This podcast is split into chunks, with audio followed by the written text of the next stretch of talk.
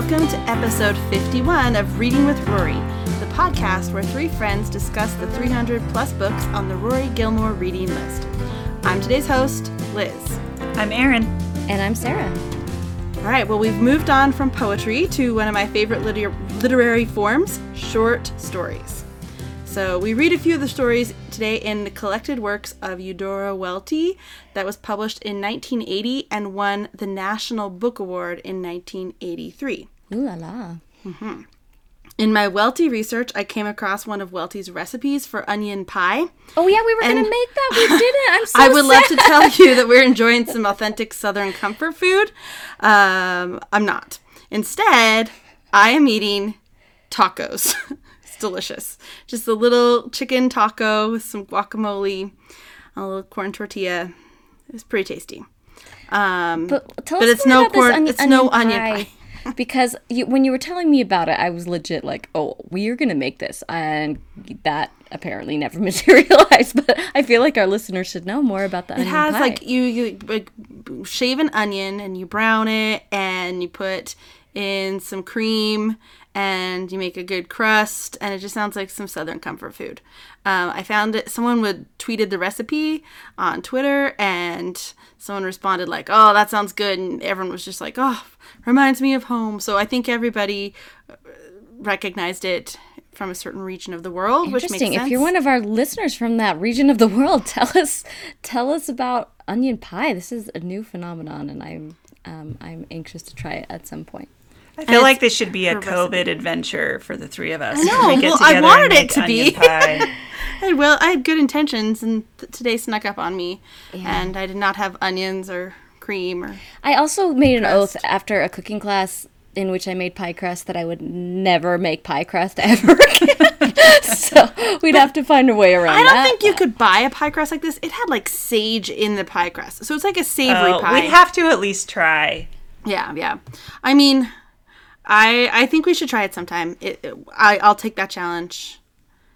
Let's All do right. it. All right, But today enough. I'm not eating that. But today you're eating chicken tacos. yeah, pretty tasty. Okay, cool. Okay, Sarah, what about you?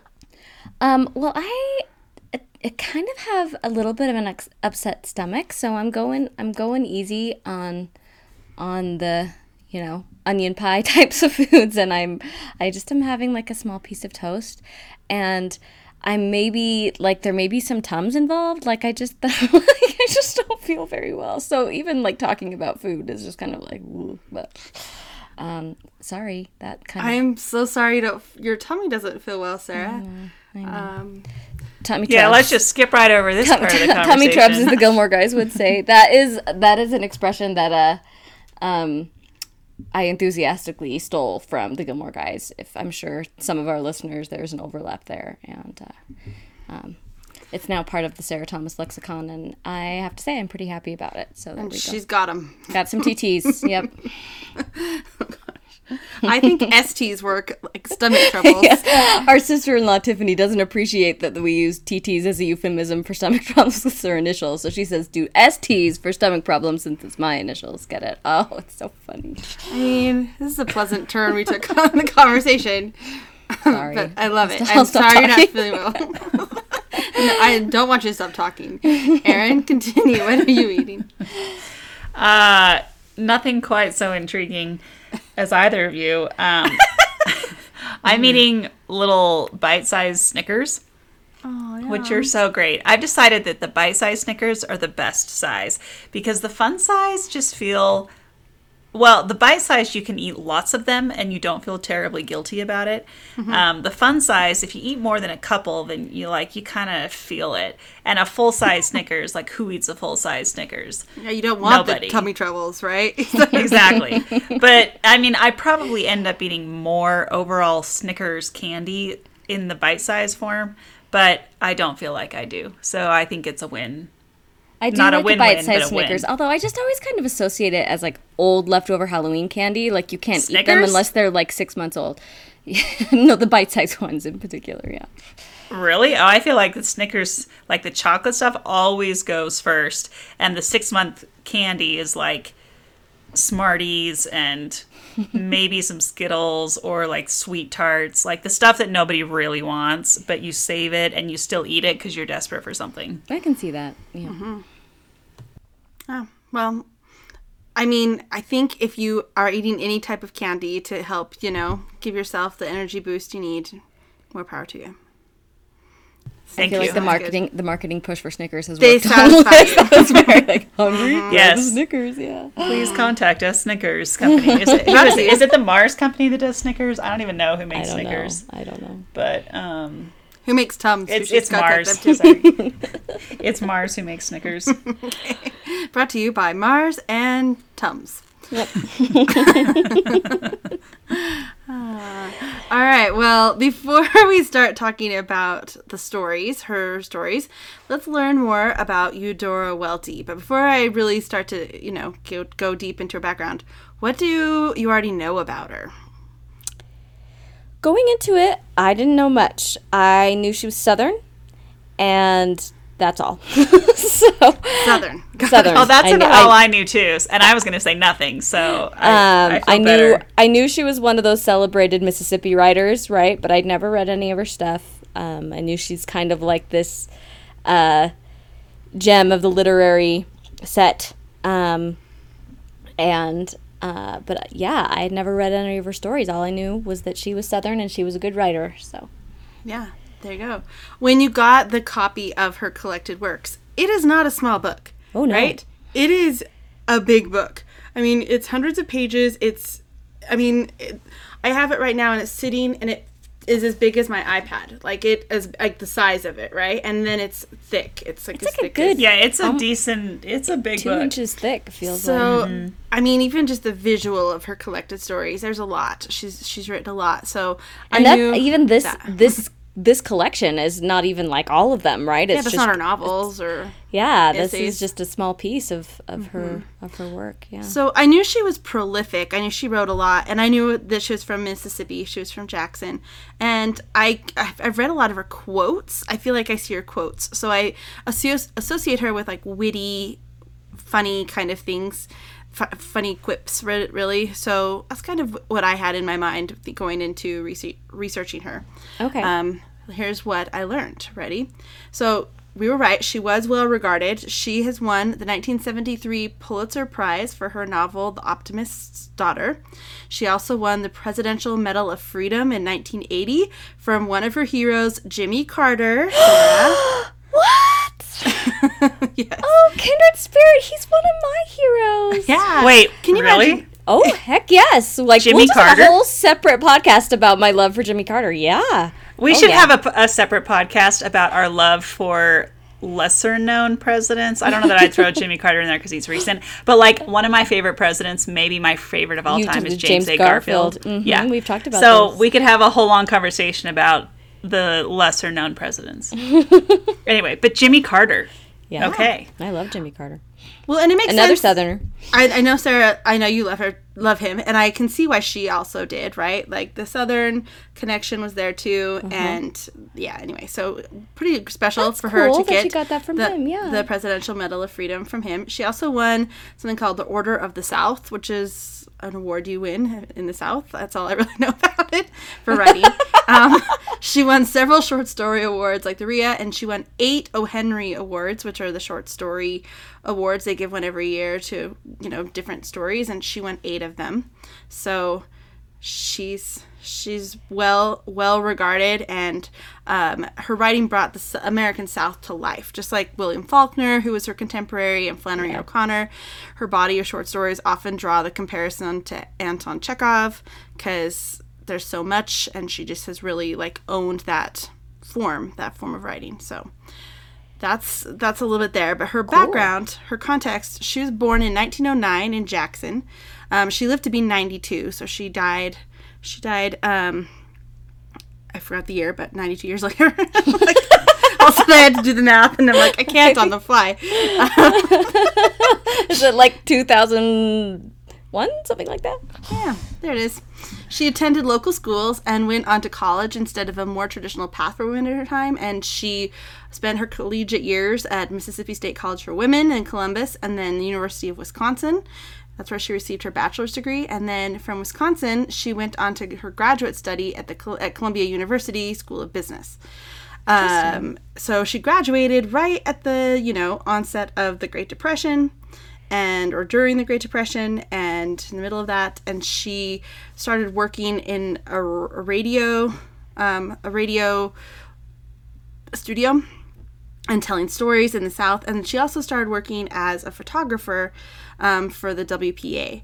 So Woman of many talents. I know she really That's was, and I feel like it's like she was so educated, and then she th- it, she got thrown into this like time of a period where there's so much to say and talk about. Like she just lived this decade or this century really of just a lot of interesting things that happened in the South, and she just observed it all and took it all in, and she told stories about it, and probably in lots of why different ways, right? With photography Yeah. Mm-hmm. and storytelling. That's awesome. Um, she first published a story in 1936, and she kind of grew her name and reputation. And she started publishing stories in the Atlantic Monthly and in the New Yorker. Uh, Katherine Anne Porter was her mentor, and she worried that many would try, see her like trying to be William Faulkner, another Southern from Southern writer. But she really wasn't like trying to compete with him. She just there can be more than one writer. And From Mississippi. I know, but I think people did. I kind of I hate that push her like, "Oh, that. you're trying So to do this," and she's like, "No, I'm not. Calm down."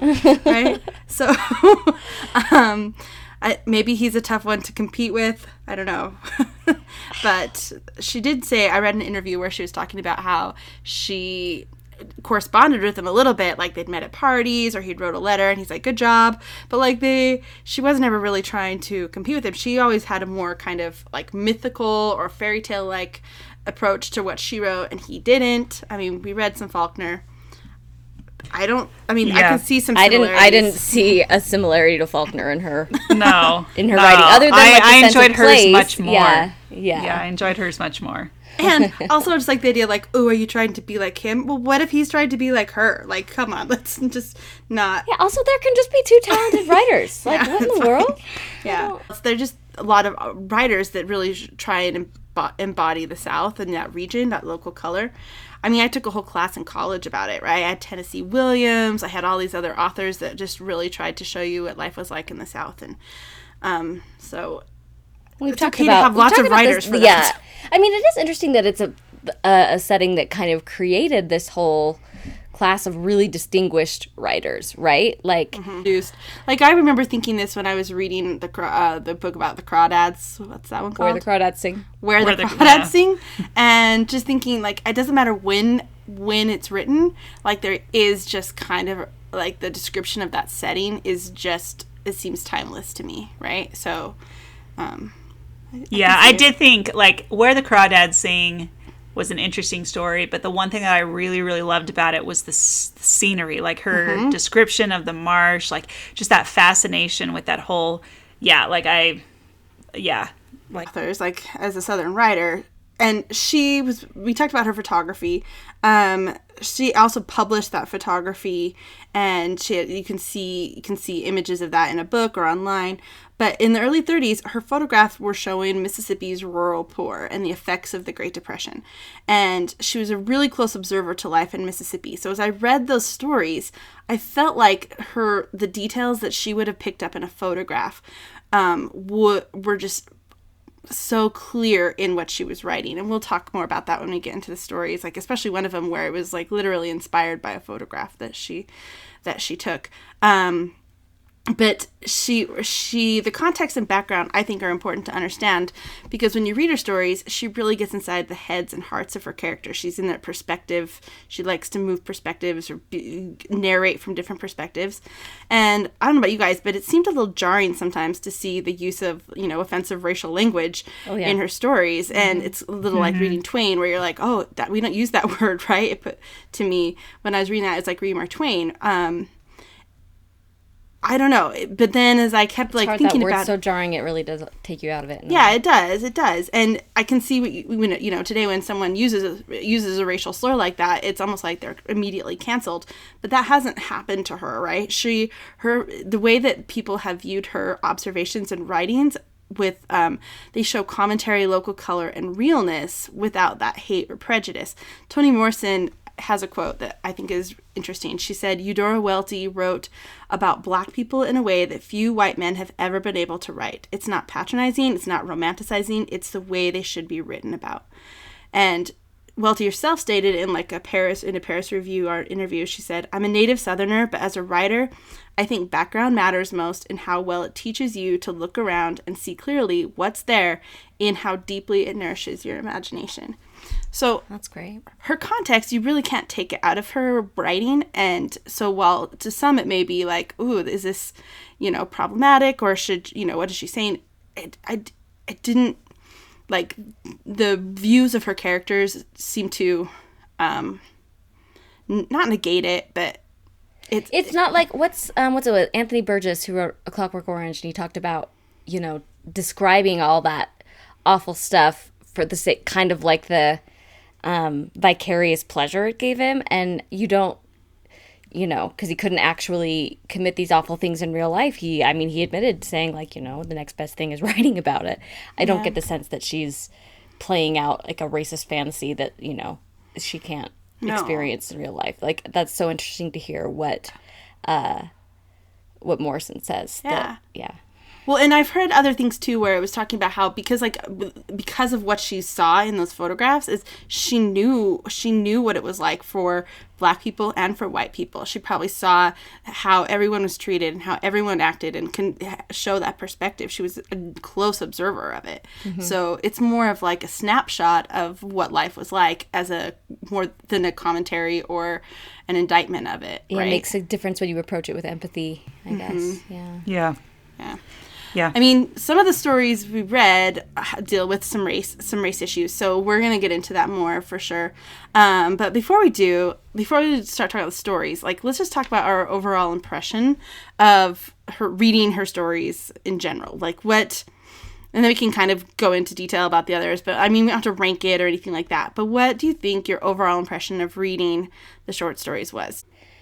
yeah i really i really enjoyed it it was i mean each each story i read was its own experience which i thought was really quite special especially when you consider like you said how prolific she is and just how much she's created because i felt like each had such an individual voice and character and point of view and some of them are really funny and some of them are really powerful some of them are really kind of mythic. I thought um and had like a sense of timelessness to them like it just the range was of emotion was amazing the range of language was beautiful like i loved it i thought it was really great Okay, well done. She earned her. She earned her awards from you. Got indeed yep Erin. Yeah, I appreciated that her writing could be so varied, right? Like she could write stories that were very different. Like in one minute, I'm getting a flavor of Toni Morrison, and in another minute, I'm getting a flavor of, I don't know, somebody else, right? Like she she had this very versatile way of writing that I thought was very interesting. And thinking about it, I hadn't really thought about this before we started talking about it, but some of her stuff writes like a picture, um, and some of it writes with not more emotion because a picture can certainly convey a lot of emotion, but w- with some of it, it looks like you're looking through the lens at a scene that's occurring, right? And there's something going on there, but you're kind of looking through the lens of something. But in other circumstances, you feel like you're there in the moment with it. And um, I just, I don't know, I was just kind of struck by the fact that she could write in very different ways like that. It was um, it was very impressive to me because I feel like a lot of times with authors, it feels very similar, right? Like their stories feel the same, and you get the same flavor over and over and over again. And I, I mean, we didn't read a ton of her stories, but I felt like there was a lot more depth to her skill and her writing ability than maybe you find with others. Yeah, I think that's a good a good way to put it. Like she'd finally honed her craft. I almost feel like maybe this is why I like short stories a lot because I feel like you can pa- you pack all of the characterization, the settings, all these things. You can mix it up and do so many varied things um, that you get really good at good at that, right? Like these little smaller bite-sized chunks give you more more range and more time to spend on other different things and to play and more freedom. I don't know what it is, but I love read and I just also love how with an ending of a short story, there's a lot of time, a lot of ambiguity. They don't have to feel like they have to wrap up every plot hole or whatever.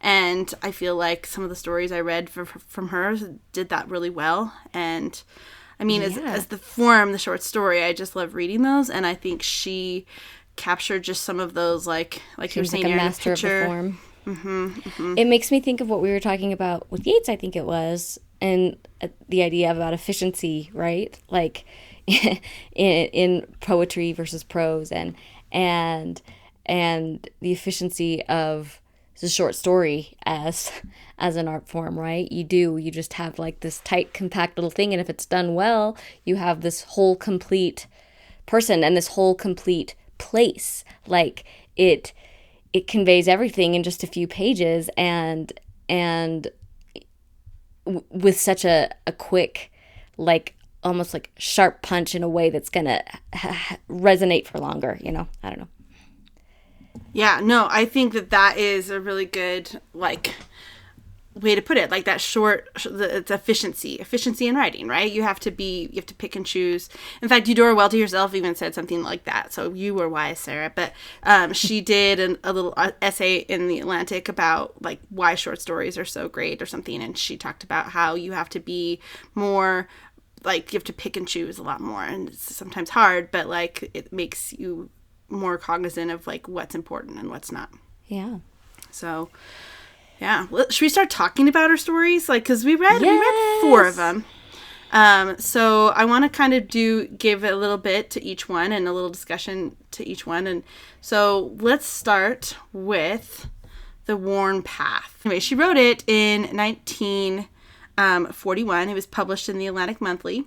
Um, this is a story of a journey by an elderly black woman named Phoenix Jackson, and she has to long, walk a long way through along through the Natchez um, Trail. I think there's like a it's an area in Mississippi and it has to do with where that tribe lived and they kind of just walk through this basically.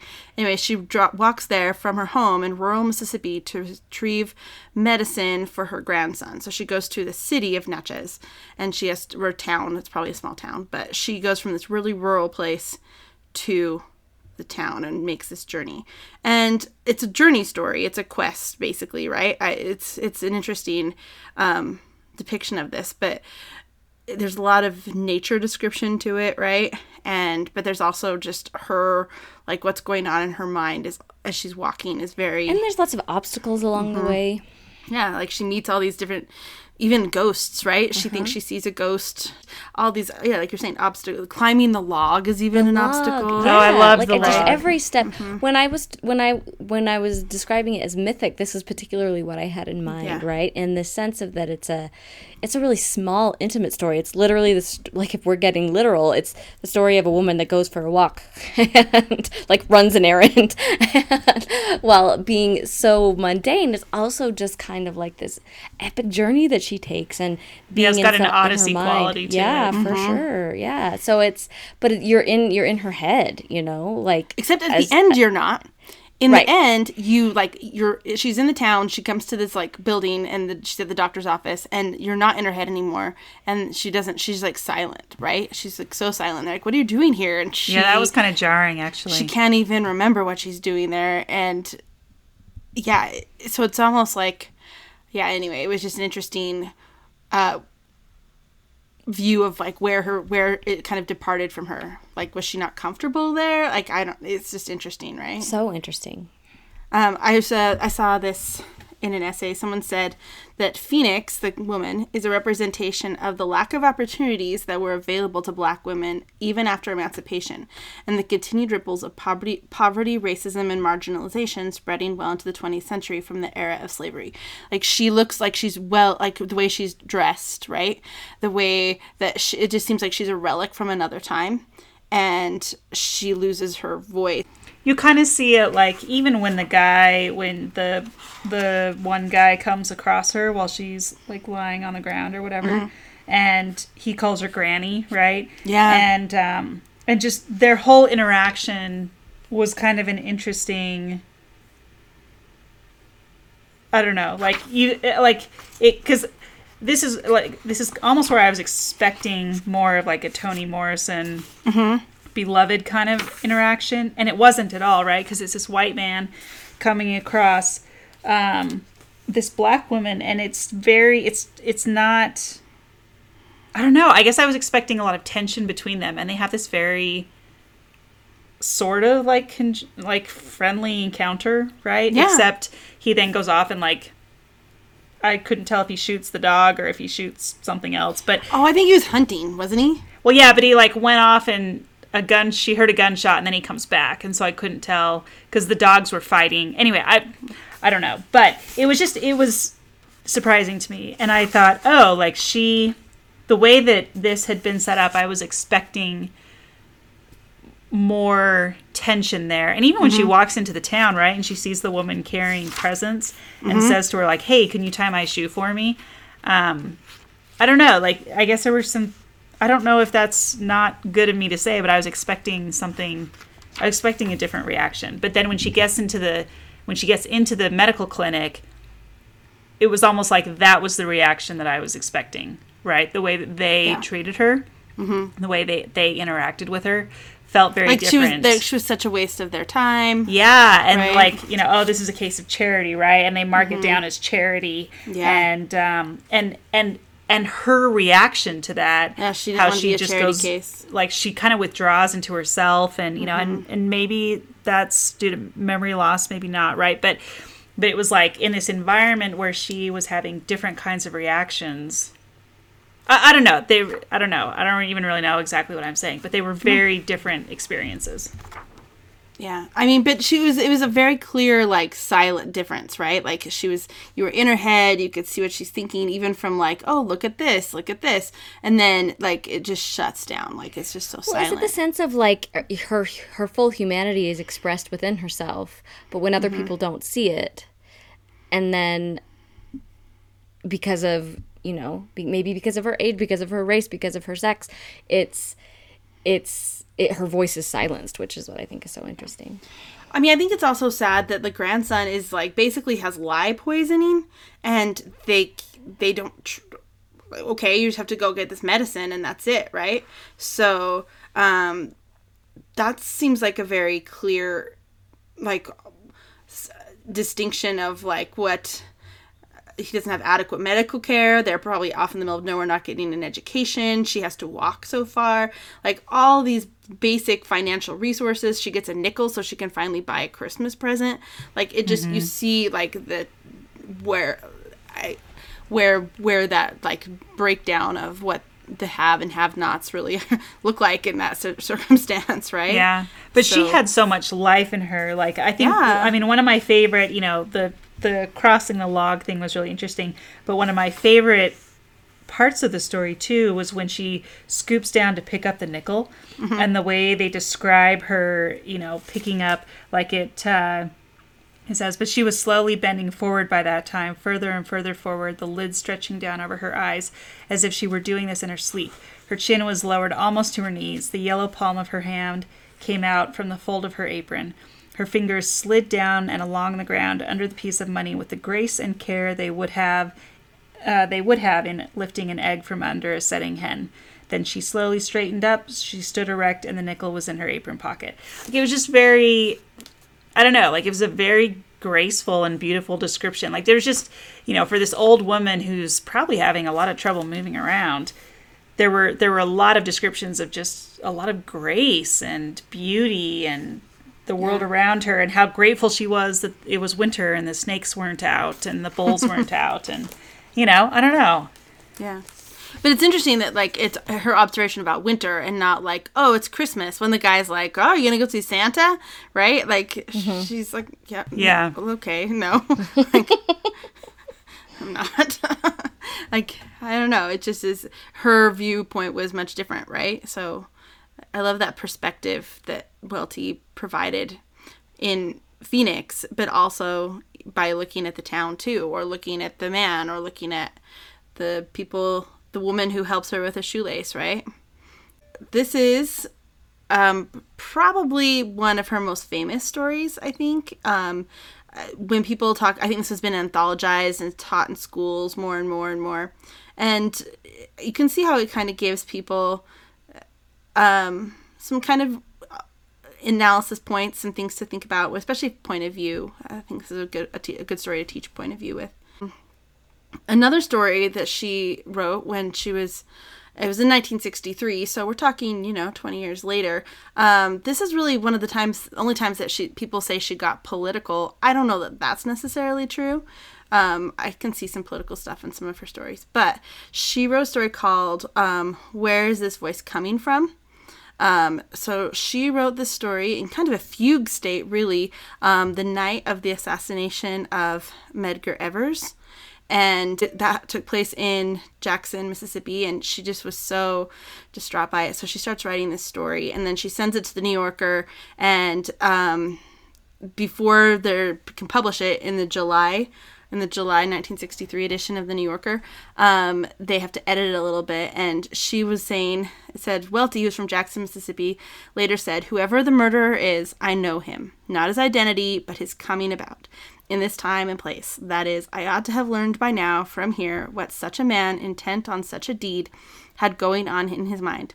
I wrote his story, my fiction, in the first person, about that character's point of view by the time they were editing the story so she writes this from all from the assass uh, the murderer's point of view. And by the time they were editing the story over the phone they had made the arrest of um, de la beckwith. And it was so close to the actual details of his life that they had to change it. So it wouldn't resemble too closely and alter the like wouldn't like- prejudicial case of the person. There wouldn't be a trial. They Yeah. a jury. Wow. so she really did know those people. um, but don't worry. I mean, De La Beckwith, with his fair trial and all, um, he he was a member of the White Citizens Council. He had two trials in 1964 that resulted in hung juries. And so, but he in 1994 they did a retrial or a new trial, basically, and based on new evidence, he was convicted of the murder and sentenced to life in prison. I don't know if it was during that trial or another trial, but the governor Ross Barnett, um, at the time, oh, at the time of the assassination, so Yeah, I was like the Barnett was a governor in the Yeah. 60s. He interrupted um, the proceedings when Medgar Evers' widow was testifying to go shake hands with De La Beckwith. Uh, gross. That's just like a chilling detail to me that really, when I read this story, I can see what she's kind of showing here. That it, the systemic of like his culture, where he's coming from, it's not, he thinks it's his own individual thing when really it's not. It's his, his White Citizens Council, it is his governor, it is everybody who's allowing this to take place, really. So, um, I mean, basically, it's just the story. It is in his mind as he goes and shoots another person. Uh, They don't call him Medgar Evers, but it is They call him what? Roland Summers. Roland Summers, who's a civil rights leader at the time, and he had been on TV, and so this guy was mad that he'd been on TV, and um, It seemed like he was mad that he had a paved driveway. mad that he, yeah, mad that he had paved drive. Was pretty mad about like pretty much everything that this guy had going for him that he apparently did not. And so he went there. he- Then he comes home with his gun still hot after he had shot him, and I mean the whole shooting part was sad to read. But then when he's home and his wife is just kind of their conversation is just chilling too. Like no regret, no like worry. I thought it was so chilling as he was describing, um, kind of like describing his state of mind, like on his way to the shooting, and just how like mundane it was, right? Like, as he's contemplating like he knew like he'd like clear eyed so it's like that's in the first sentence is how he has this idea is in is in his head.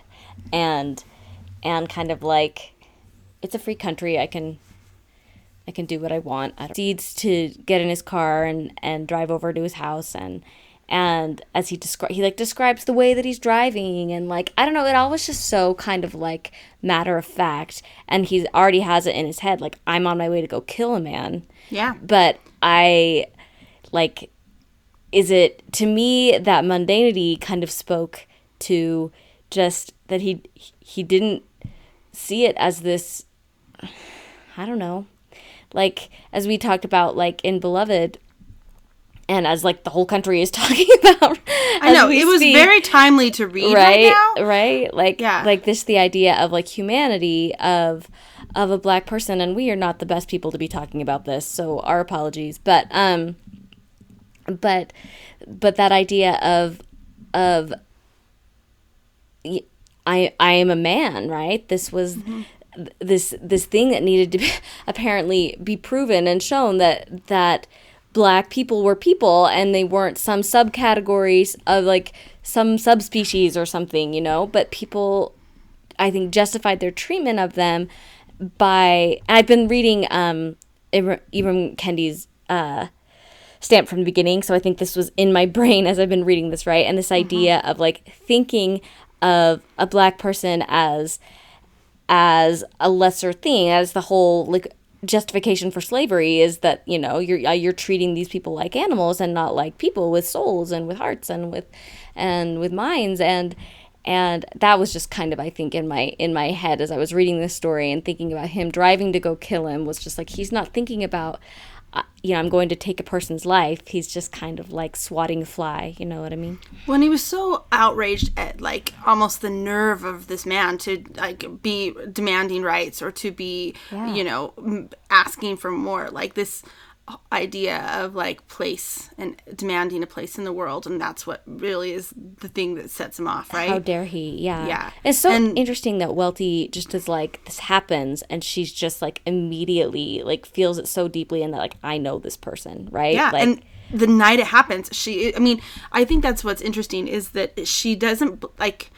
There's some not. I don't ever think there's sympathy for being in his perspective, right? Like No. I think you get into his main and you're not mind and you're not feeling sympathetic, but I do think that there is like she she doesn't just hold him responsible. Even when he says that over and over that's like protesting too much. She is like definitely saying that this is the southern environment. This is the complicity of everyone involved. This is social systems of racial violence that are allowing this to happen and it's not just him. Like she makes that clear in that story Yeah. which is pretty ahead of its time really in from what I understand.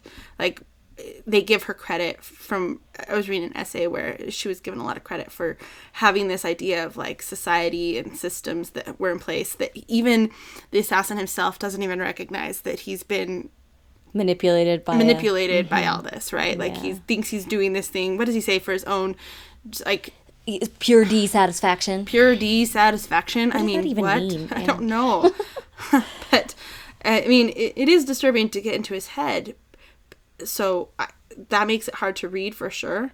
Um, but it is interesting how you don't feel like any sympathy for the narrator whatsoever, as you shouldn't, right? You don't need to, but But like, you're, I think but that's you the worry still you still get to know them. voice. Mm-hmm. I feel like you're still really acquainted them acquainted with them very intimately. Again, talking Mm-hmm. about efficiency, like that's only a few short pages, but she conveys who that person is very effectively. like so effectively that they have to like edit it and change Yeah, the so they don't get sued. so it doesn't well no it wasn't so they don't get sued they didn't want to sway they didn't think it would it would harm the chances of him having In a fair, trial. Oh, interesting.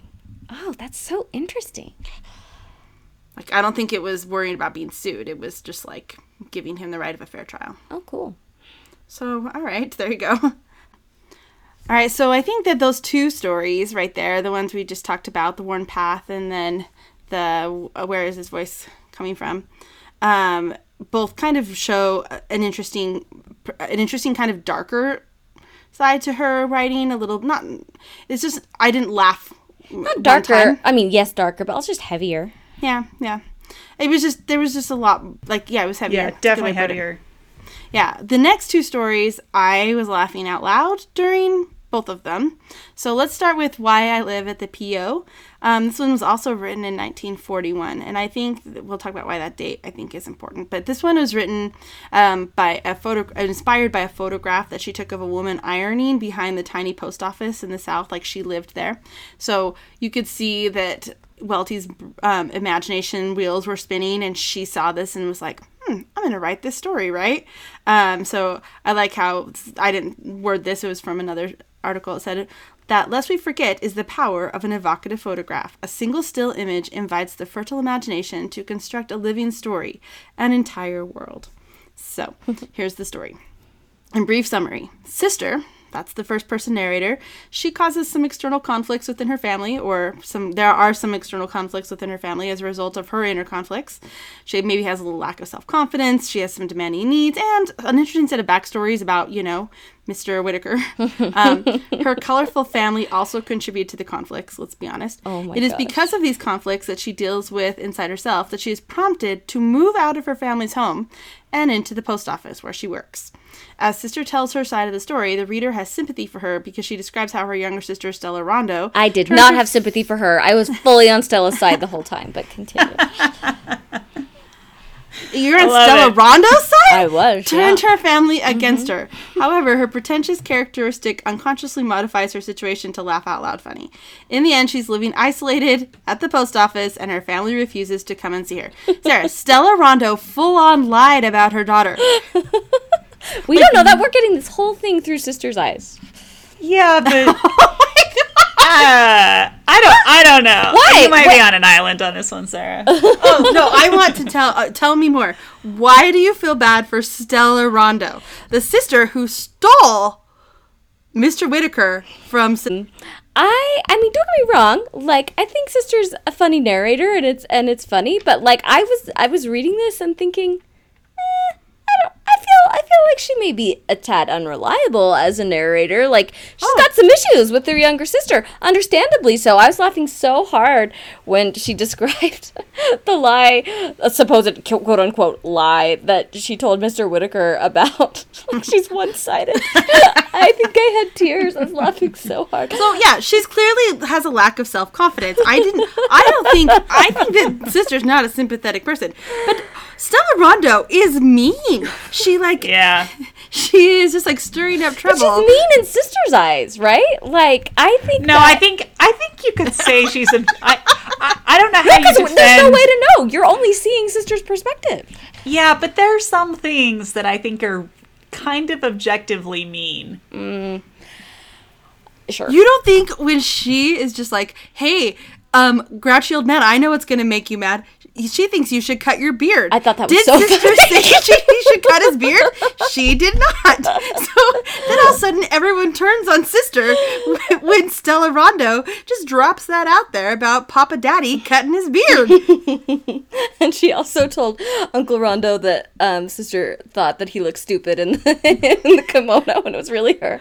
I don't know. As I was reading it, don't get me wrong. I mean, I'm mostly saying this to be funny, but also not right. Like I think, I think that it's it's like you don't know the experience that these two sisters had growing up and like i'm inclined to side with the younger sister as i feel like you know no one's yeah that's all oh my gosh. Okay, fair enough. I fair enough. I mean, like the fact is, it's so funny because like Stella Rondo comes home. She leaves Mr. Whitaker, and she comes home. or mr whitaker left her it's Um, unclear okay. Okay. Yeah. Yeah, one of the fair two. enough. But she has the baby, and everyone's like, she's a two-year-old, and named Shirley T.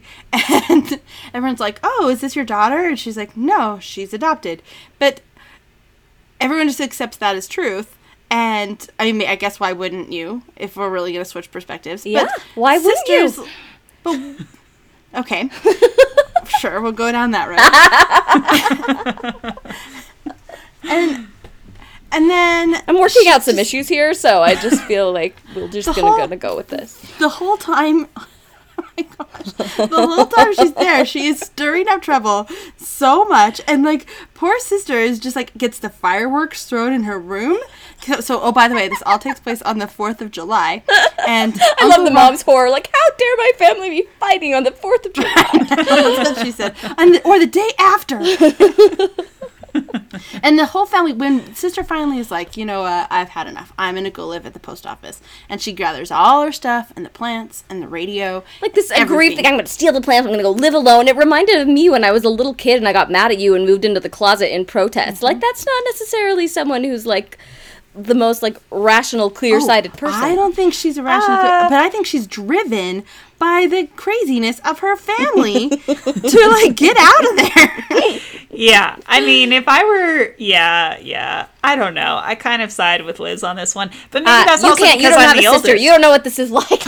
Yeah, I mean, I am the Oh oldest. my gosh, so I don't Sarah, know. stop taking this so personally. I don't know what to do right now. Yeah, I feel like I'm gonna have to take control of this conversation pretty quickly here because Yeah. we are stepping into some Freudian territory between the two of you, Okay, yeah, you just take control. Pretty clearly. So tell us about this story. and I am clearly the objective, Uh-huh, objective one in this conversation. we all have our perspectives. That is true.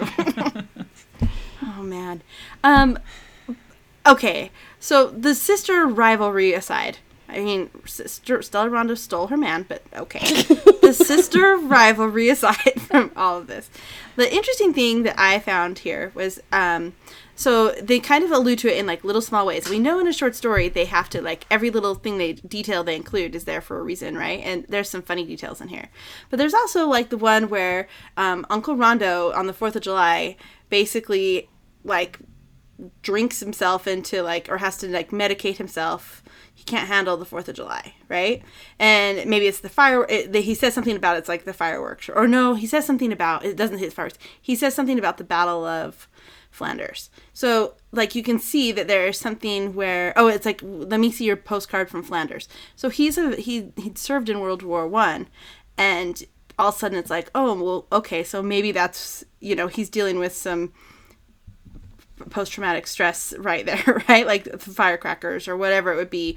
Um, or the fact that it's 1941 and they're just like bickering over the length of someone's beard and sister's kimono. And like she takes the radio. Stella, and Rondo's um, kimono. okay. Yep, Stella Rondo's It was from her trousseau. Remember, she was so mad. I remember the Right. creases were gonna go out of it.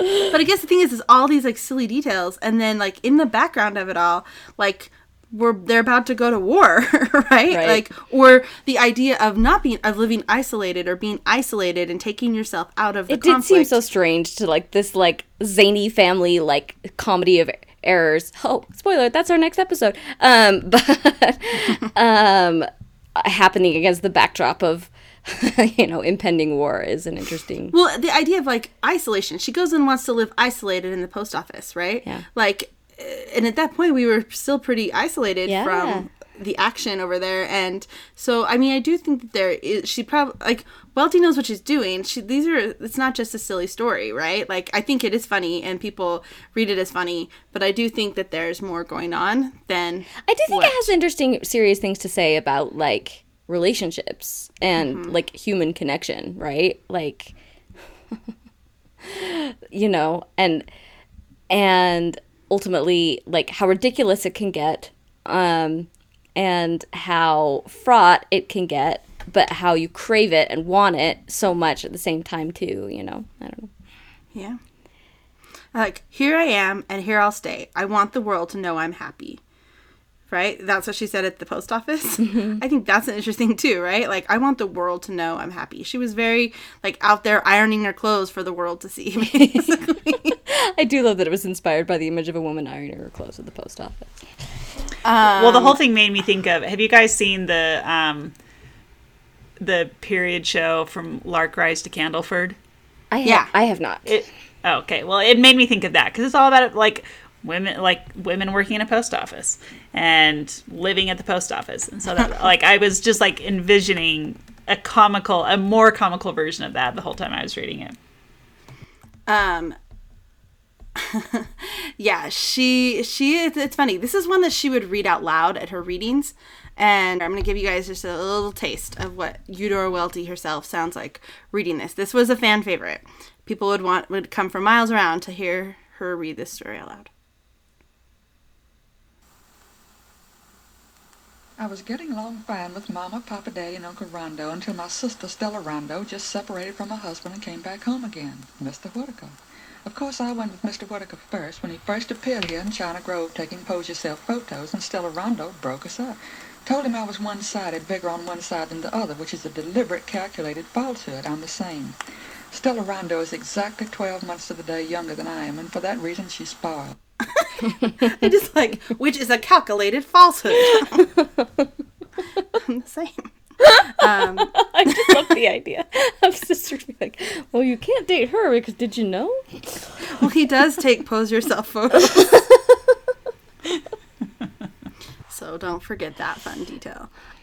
um, yeah, I just like you know hearing her hearing a little voice. Well, I mean, this will be a happy Fourth of July story for anyone who wants to you know celebrate the Fourth of July. Yeah, with that's a right. It's coming up, coming right up as we record this. Mhm. July 4th, 2020. So if the world is still here in July 4th, 2021, so I hope. in the next few days. Uh huh. Uh huh. Or hope. by the time you're listening to this, if you're actually listening to this, Yeah, it'll yeah. be right after the Fourth of July. if we're all, if we're all, whenever you listen but to like it, if if we, you whenever up. you listen to this, if you're getting around to this next year, if there is a next year, I like hopefully it's just you know a good a good way to se- to ring in the Fourth of July. Sarah, are you okay? I'm serious. like taking that story, like your approach to that story is m- still making me ha- scratch my head. I mm. can't wait to hear you say what you think about the visit of charity. I'm honestly surprised that you're surprised. Like that's I'm. I'm not. I just. We've Ow. been having lots of conversations. So Liz and I have never been competitive. Never been uh. competitive. We're not competitive like sister and and Stella Rondo. But you know, we you're have been not having stealing each other's men. never has that been the problem. But, you know, we have been having conversations lately about, you know, making like like I think a younger sibling older sibling dynamic and and uh, some stuff some stuff there. So as the younger sibling, I was identifying with Stella Rondo in this and I would think that th- that wouldn't be a surprise to Liz, but what do I know? No, nothing. I mean, you're gonna cut I, this right I don't out. know how you identify with Stella Rondo. In beyond, the only thing I not can think that you would identify. identify with is that She's she's a the younger scheming. sister. Right, but Like- like I did because like her sister, her older sister, just like immediately so like dismissive and kind of just like, yeah, and you're laughing. No, Yeah. So I want you to look, take a her, look in the mirror.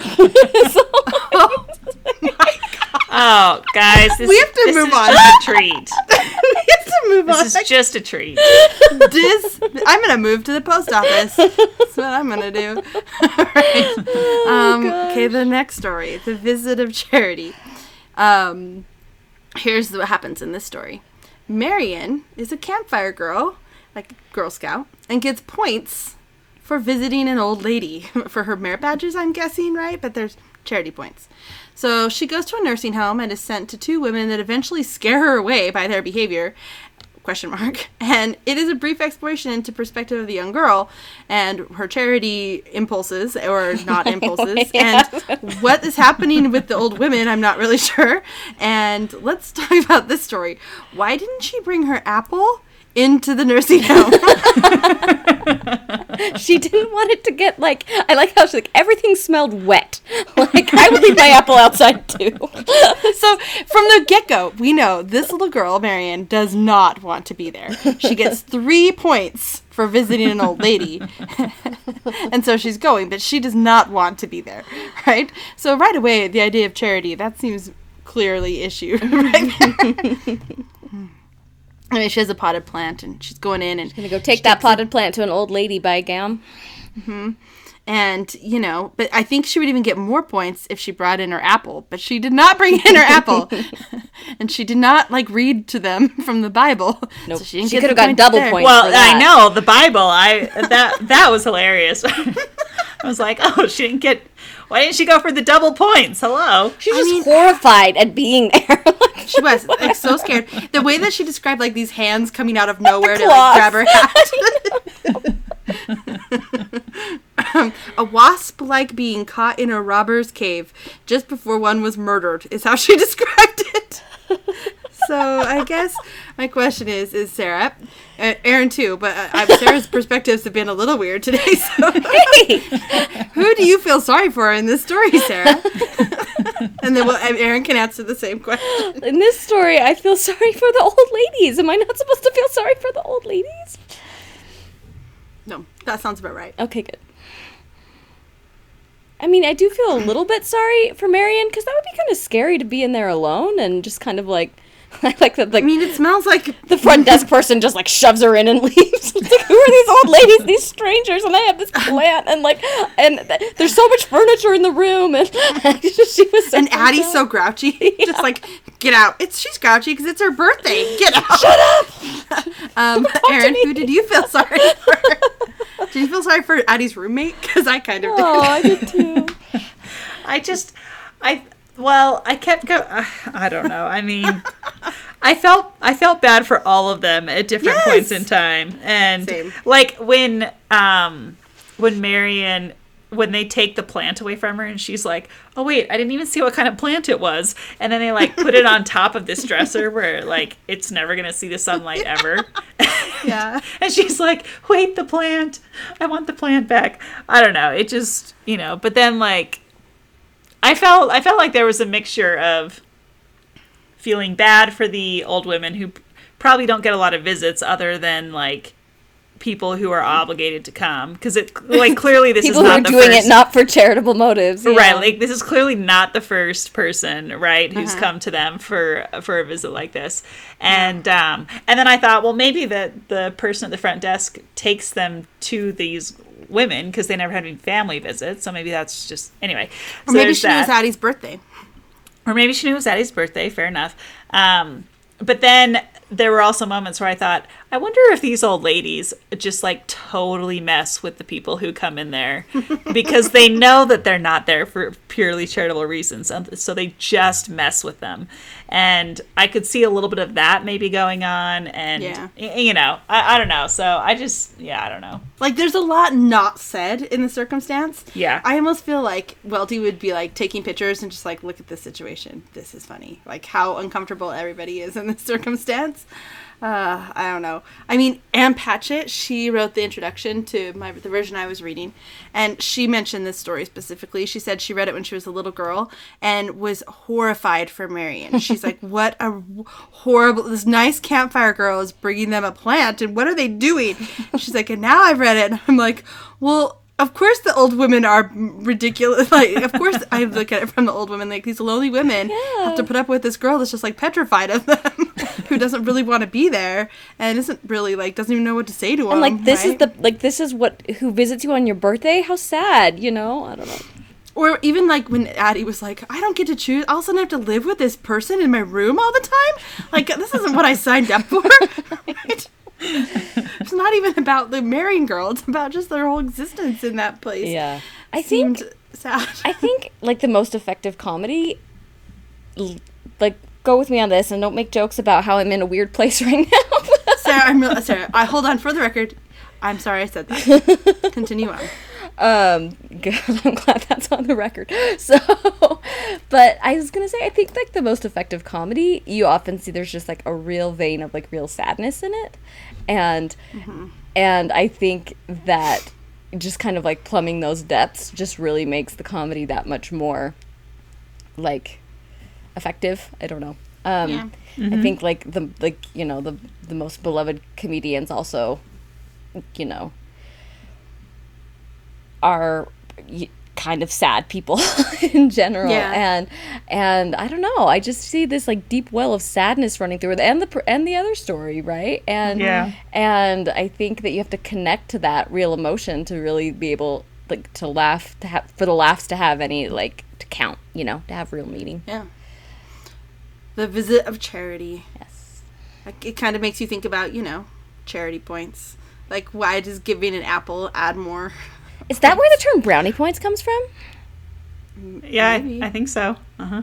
I did not know that. Yeah. Um, I just like how she eats the apple. She's like, I hid that. I'm not gonna share that with them. I don't know why I dwell on the apple bit, but she's like out of there eating her apple. Like this is ridiculous. Like if you don't actually feel the emotion of it, then it's a pointless effort, right? Right, so right. it's so it just embodies that so well. I think. But it's so interesting that she's calling it out like in a little girl. you know what I mean? Like, I, I mean, how dare this small child be like devoid of proper motivations? I don't know. like it's kind of interesting. Well, it's not the motivation thing. It's not the motivation thing. Also, it's as much as like the reception of the women too. Like they don't. I their their perspective is there too, and that's not just like on the little girl. yeah. So uh, interesting. Well. Those were four of the good stories in there. There's a lot of good ones. Do you know there's one called The Bride of Innisfree that I think talks about. There's actually a couple stories that tie in um, some Yeats poetry and some That's very some other illusions. So while we're talking about illusions and things like that, let's dive into the pop culture um, segment. I would say pop culture is more of an influence on Welty than Welty on pop culture. Um, she loved movies. It's a little more high culture than pop culture to me. Yeah. Yeah. Um, she loved movies. The adopted daughter in Why I Live at the PO is named Shirley T after Shirley Temple. The adopted daughter in who? What now? In the story Why I Live at the PO. Oh, why I live at the PO. I see. you what know, you're the story we just fought about. I'm sorry. I okay. Yeah, that one. that one. There are also mythical illusions and fairy tales in all of her stories. Not all of them, but a lot of them, right? She definitely like loves to play with that element. And there's the Greek myths and all sorts of. Um, I think also music that kind of ties in. I'll play. I'll put a playlist on Spotify of some of like the classical music that, if you go to her house, her house is a national historic landmark in Mississippi. If you go to, her, I found this playlist that they pu- that the house itself kind of put together on Spotify. Oh, cool. Of the music that inspired her to write. So I'll put that on our Eudora Welty playlist and give them credit because she does. It is a museum you can go visit, and they have a Spotify list. So That's very fun. I know that's pretty fun. Um, the only adapt- adaptation I could find that really kind of came from this was a musical based on one of her novels ki- called "The Bride," the, the Robber Bridegroom. Um, it was adapted to a musical. So um, here's a little flavor of that song. One second. Well, the story goes that one glance from Salome caused every bullfrog in Yazoo City to drop dead of heart failure. Honey, she was ugly. Ah, she was a scrawny, greedy woman. Oh, what a scrawny, greedy woman. She had buzzard eyes, crocodile jaws, grabbing long arms and her fingers were turkey like claws. And she lusted after every pair of bands on the Natchez Trail. So that I can just see those descriptions coming out in her photographs. that song is called Once Upon the Natchez Trace from the Robber Bridegroom musical. of course. right. so that's real. That that's there. Um, that was the only adaptation I could really find, but I think some of these would make some pretty good. I would love to see an Um, adaptation of Why I Live at the PO. That'd be so great. I guess they did an American Playhouse of the um, Wide Net, which is a story we didn't read, but it uh, had Kyra Sedgwick in it, and that was from 1987. So you can see that, I guess. But it's not from you. People don't know Eudora Welty from the big screen, that's for sure. Um, here's where you might know Eudora Welty from. Apparently, Steve Dorner, who developed the email client called Eudora, it was named after Eudora Welty because she received so much mail in by living at the PO. So Well, okay. Clever. there it is, Eudora, an email server that's actually not used anymore, but is It's like I've never in- heard of such a thing. in a computer museum. I guess it was part of like Macs used it before other other uh, other clients used it. It kind of sorted through your email. I, that's all I know. Um, the other thing I know is that Miss Welty was a daily visitor to her local Andrew Carnegie Library, where she was allowed what she was called a sweet devouring ration of two books a day by the librarian. And in 1986, they replaced the building and named it the Eudora Welty Library. Oh, I love that's So- the dream. That's like life goals, Yeah. right? Yeah, that's pretty great. That's amazing. So that one kind of stood out to me as a cool like remembrance for her. So that's it for pop culture. Like we'll let her stories live on Stand for, for us. themselves. That's awesome. Uh huh. Um, all right, so let's talk about this. What did reading Eudora Welty inspire you to do, Erin? Um, well, okay, so it inspired me to like I really appreciated the way that she um could take like I don't know, uh, like this picture of the South, right, and turn it into these like very interesting stories, kind of just like normal life in the South, which a lot of Southern writers would do, and that's why the appeal, blah blah blah. But I thought, like it, this, it would be so much fun to write down stories from my own past that I don't think about very often, right? Like things that I maybe haven't like gone back and revisited very much. I know I'm already sounding like a broken record on this, but No, I like um, it. I love when your ones involve writing. but to like I know. no, I do. So I was being serious. So predictable. anyway, but uh, for example, I'm thinking about like one time when like our water pipe busted at my house and it, and it well it wasn't the water pipe it was like the pipe coming into the toilet and it just started like spraying everywhere in the bathroom and like my my mom and my brother were in there trying to fix it and just like drenched in water and I'm just like standing there watching them cuz I there wasn't a whole lot for me to do except run and grab towels. And so then I like we had to have our water shut off for a while until we could get a plumber to come out and fix it. And so um or at least the water like to the house. So like and I'm in high school, right? So I'm like out standing out in the driveway one morning brushing my teeth at the hose because that's the only place we had water and just like hating my life. And i don't know just like thinking back to like funny moments like that like random things that happened that are just like glimpses of everyday life and finding a way to like capture in almost short story format moments like that right of just like daily life. Like how fun would it be to go back and kind of think through that Right. And it doesn't have to be long, right? Right, Like let's right. just like really give ourselves that short story. I love it. Yeah, or even just like journal entry type of a thing, right? Just like Vignettes. something. Yeah, yeah, exactly. I love it. I think that using photographs too, especially, are a fun like way to do that. Yes. So awesome. Sarah, what does it inspire you to do? Um, well, I think it inspired me to do something that I'm not going to be able to do for a good while. Be- um, just made me think about um, about like senior care centers, right? And how sad those places are, and how much people there need like love and attention and especially now with this pandemic right and they're so isolated and their families can't come see them and and um i mean the story highlighted kind of like the, the like the absurdities of the situation but i think that it doesn't take away the need to um the need to, to, to, really have that sense of charity right and and i think that's a segment of our population that is often neglected so when Especially now in a pandemic. I know, how I know, and I, it breaks So my heart when you read all these stories of these Yeah. of these people that are just you know living in these care centers and and dying alone. I mean, it's just heartbreaking, and so that's been really on my mind a lot. And this just made me want to, and it made me think of grandma. And that's probably the last time I was in a care center. Was the last time we went to go see our grandma before she died, and and um you know like i just i it's it's an uncomfortable place but it's like it's so important and uh, it's something i want to be better about doing regularly i was a hospice volunteer for a while in in the hopes of trying to kind of uh like fill that need but that was a different kind of experience and it was good. But i, I think even just being a volunteer at a care center where you do so it's not just like a one-time thing where these people don't know you and you come put a potted plant on their shelf but like where you can like develop a relationship with these people who have um, still a lot to share of their lives and not as many people to share it with. So when i can i hope to be able to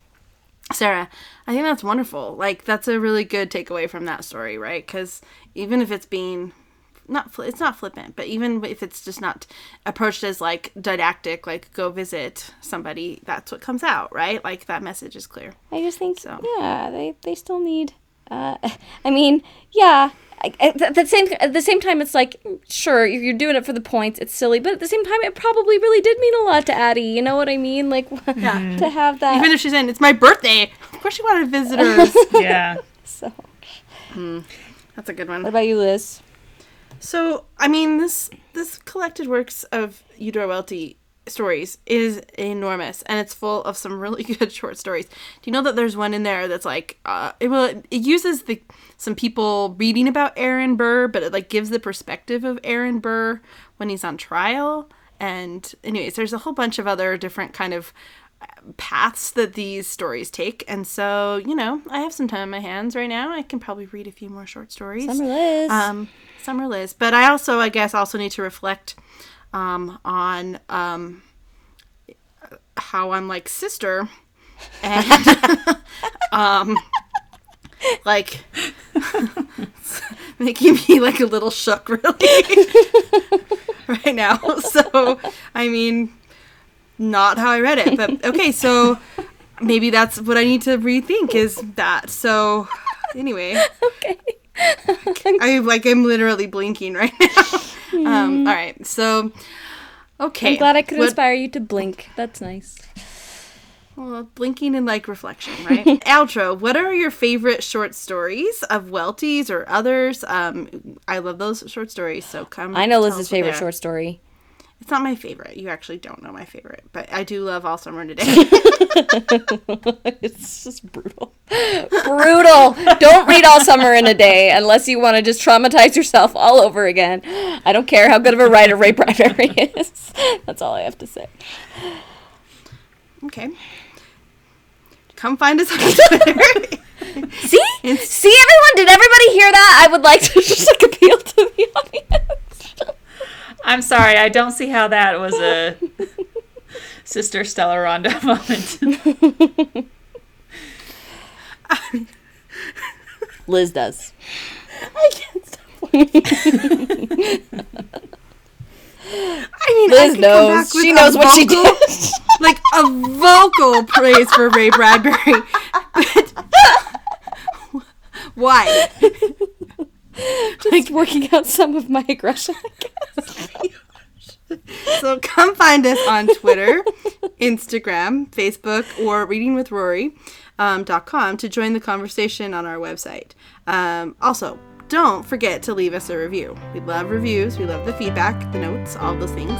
So please do that. We'd appreciate it. Next time on Reading with Rory, we are going to be reading The Comedy of Errors, as Sarah alluded to By William of Shakespeare. That's our first Shakespeare, isn't it? First Shakespeare. That's right. It's going to be exciting. Brush up your Shakespeare. I'll let you know what my reflections produce yes, I'm curious myself. when you when we return. All right. Thanks for listening. I almost was about to say, love you. I don't know, man. love you, bye.